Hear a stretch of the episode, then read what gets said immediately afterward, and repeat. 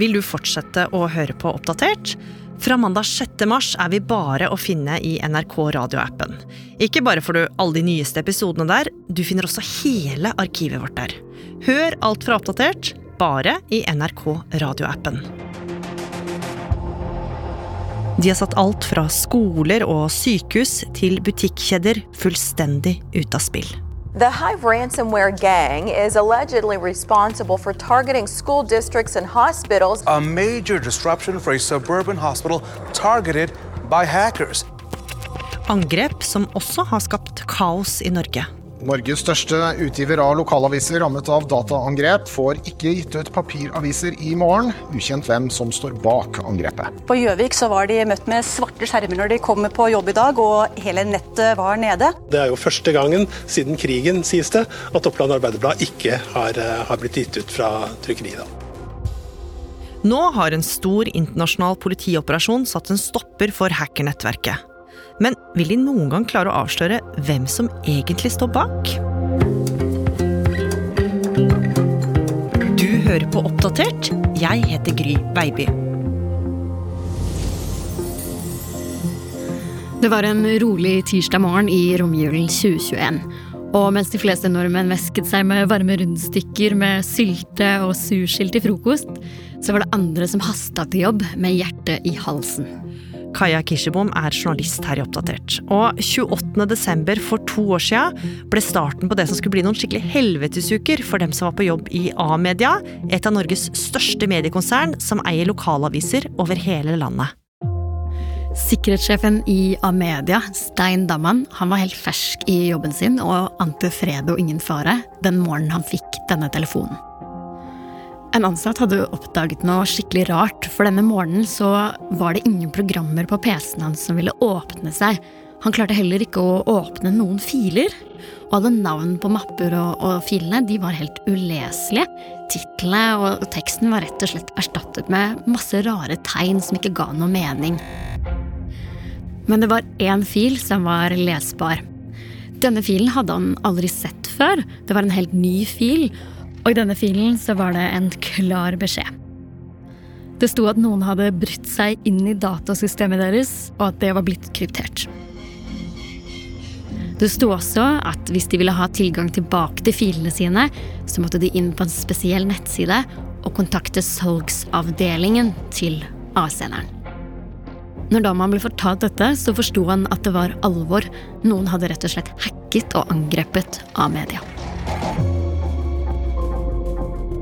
A-media satte krisestab og kalte inn ansatte fra juleferie til hovedkontoret i Oslo. De okkuperte et møterom og satte i gang med å prøve å få oversikt over hvor stor skade hackerne hadde gjort. For ikke bare kunne det at dataene var nede få konsekvenser for flere tusen ansatte, A-media satt også på personopplysninger til rundt to millioner kunder. Konsernet A-media ble i natt utsatt for et alvorlig dataangrep. Rundt 80 papiraviser spredt over hele landet kommer dermed ikke ut i morgen. Og det er allerede iverksatt tiltak for å begrense skaden, men situasjonen er uklar, og det er ifølge A-media en risiko for at personopplysninger har kommet på avveie. Så nå hadde angrepet fått store konsekvenser, og Damman og krisestaben de jobba på spreng for å prøve å få oversikt og begrense skadene. Og heldigvis så hadde de noe å gå etter, for i fila som hackerne hadde etterlatt seg, så hadde de fått veldig klare instrukser, Kaja. Ja, denne filen var jo noe så spesielt som en konkret oppskrift for hvordan de nå skulle forholde seg til situasjonen. Det sto i dette brevet at datasystemet deres hadde blitt lamma, og for å få tilgang til det igjen, så måtte de inn på en helt spesiell nettside på det mørke nettet.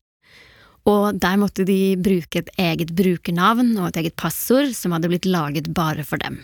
Og derfra så skulle de ta dialogen videre med de som hadde hacket dem, og hvis A-media da betalte, så kunne de få tilgang til en nærmest magisk krypteringsnøkkel med en kode som kunne låse opp systemet deres på null komma niks. Så det var jo liten tvil om at det her var et særdeles nøye planlagt og koordinert angrep hvor hackerne så til å ha god kontroll.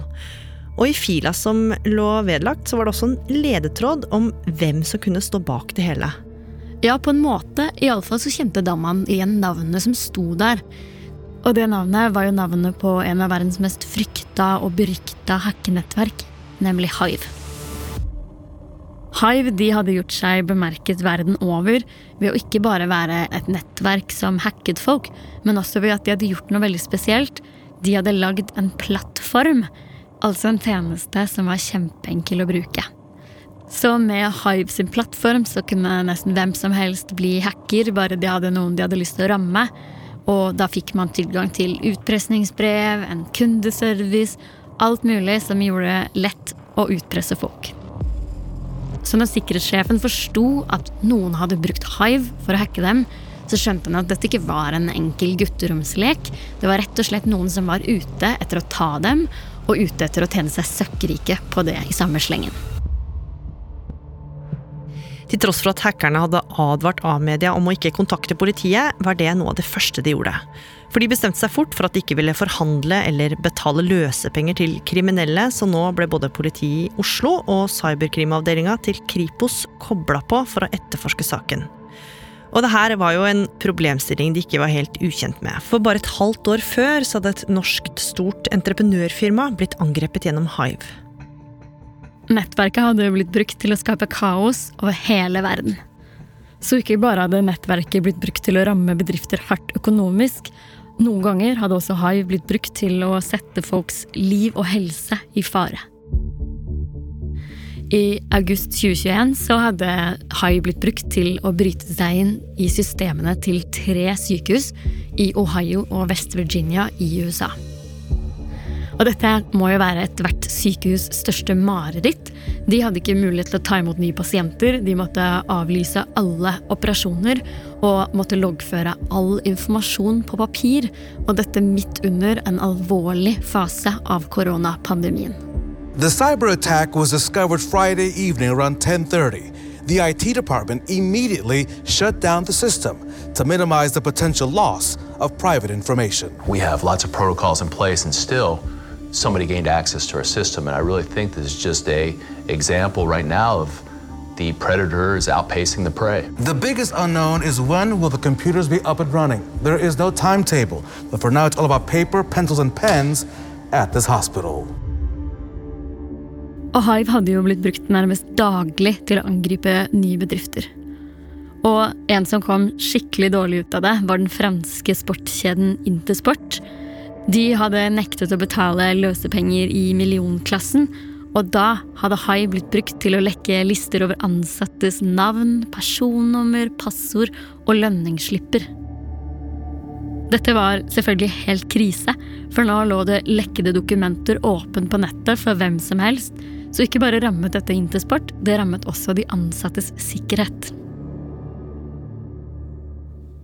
Så det var aldri noen tvil om at nettverket kunne gjøre stor skade, og nettopp derfor så hadde også mange bedrifter valgt å betale løsepenger for å få tilbake kontroll over systemene sine.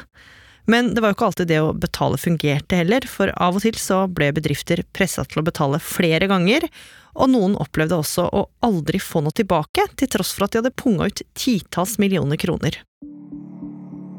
Oslo-politiet og Kripos sto på ingen måte aleine i denne saken, for de samarbeida med flere internasjonale aktører, sånn som Europol og amerikanske FBI, som også var ivrige etter å stoppe Hive og milliardbusinessen deres.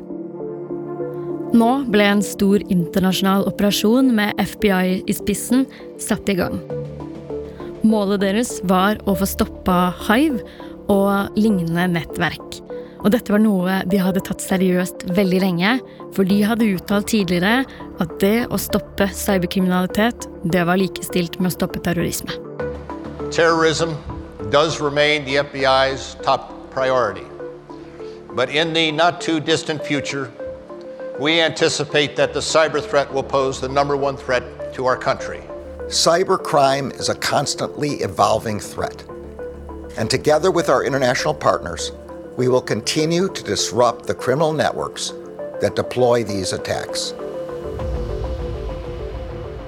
Alle landene som var involvert i dette samarbeidet, de sendte over sin individuelle etterforskning og spor de hadde funnet, og IP-adresser for å prøve å finne ut hvor Hive egentlig opererte fra, og hvem de var. Denne dataen den ble satt sammen og analysert, og FBI forsøkte å legge dette sammen som et stort puslespill. Og snart så skulle de få et stort gjennombrudd, Kaja. Ja, på en eller annen måte så klarte de det. Sommeren 2022 så klarte FBI å snike seg inn dypt i systemet til Hive og fikk overvåka plattformen i all hemmelighet. Nå kunne de varsle bedrifter om forestående angrep.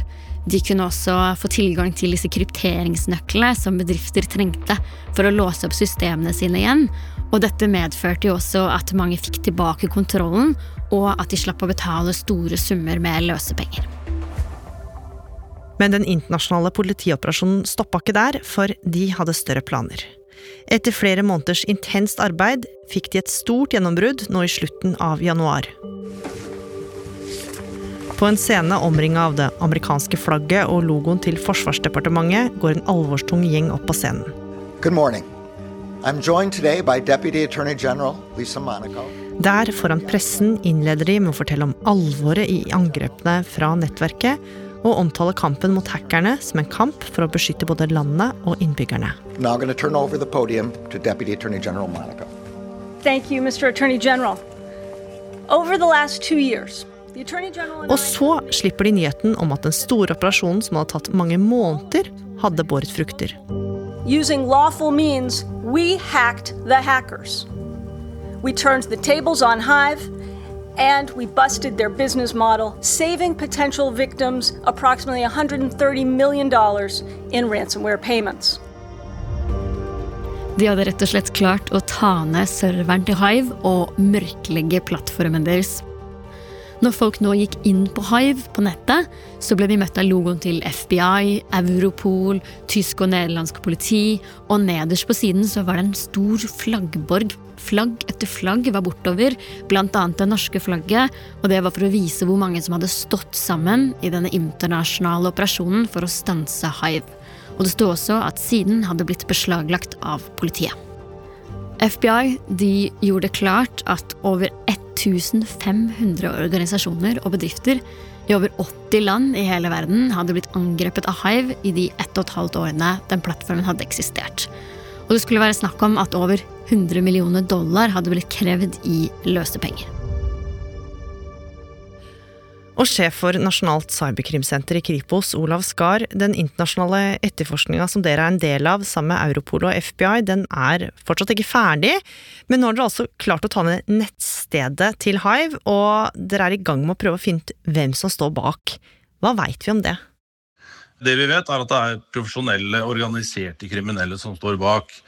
Eh, og eh, det vi ser, er at de organiserer seg på mange måter i tre grupper. Altså, du har en, eh, en, liten gruppe på toppen, som er den som leder operasjonene, og som har det høyeste kunnskapsnivået, og som er tettest på å gjennomføre kriminaliteten. Og så har du en gruppe i midten som legger til rette for gjennomføringen. Og så har du en gruppe som er stor, som er i bånn av denne trekanten. Og de eh, fasiliterer for eh, pengetransaksjonene. De er muldyr.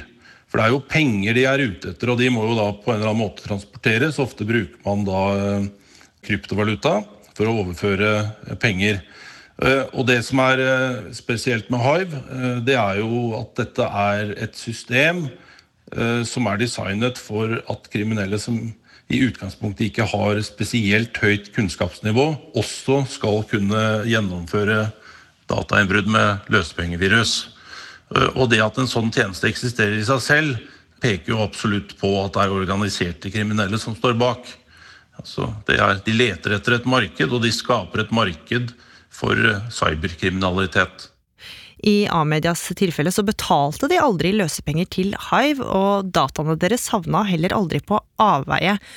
Og hvorfor, det veit vi egentlig ikke, men hvor vanlig kommer sånne angrep til å bli i framtida? Vi ser at uh, antallet saker, altså datainnbrudd med løsepengevirus, det er fortsatt uh, økende. Vi ser også at de kriminelle tilpasser sine metoder. En trend som vi har sett Eh, i utlandet, altså som vi har fått rapporter på eh, blant våre internasjonale samarbeidspartnere, det er at man kan gå på enkeltpersoner og drive utpressing på grunnlag av informasjon som de har hentet ut fra et selskap gjennom et datainnbrudd. Da vil de være ute etter mindre summer. Det kan være personopplysninger, helseopplysninger osv. som de ønsker å få penger uh, fra offeret for å ja, De sier da at da kan de garantere at ikke de skal lekke denne type informasjon. Mm. Jeg må huske på det at uh, internett er uh, bygget for fart, for hastighet. Og de er i utgangspunktet ikke bygget for sikkerhet. Så sikkerheten må man bidra til som enkeltperson og sørge for selv. Mellom 80 og 90% av tilfellene der hvor de kriminelle lykkes å få tilgang til datasystemer, det skyldes feil som kunne vært unngått.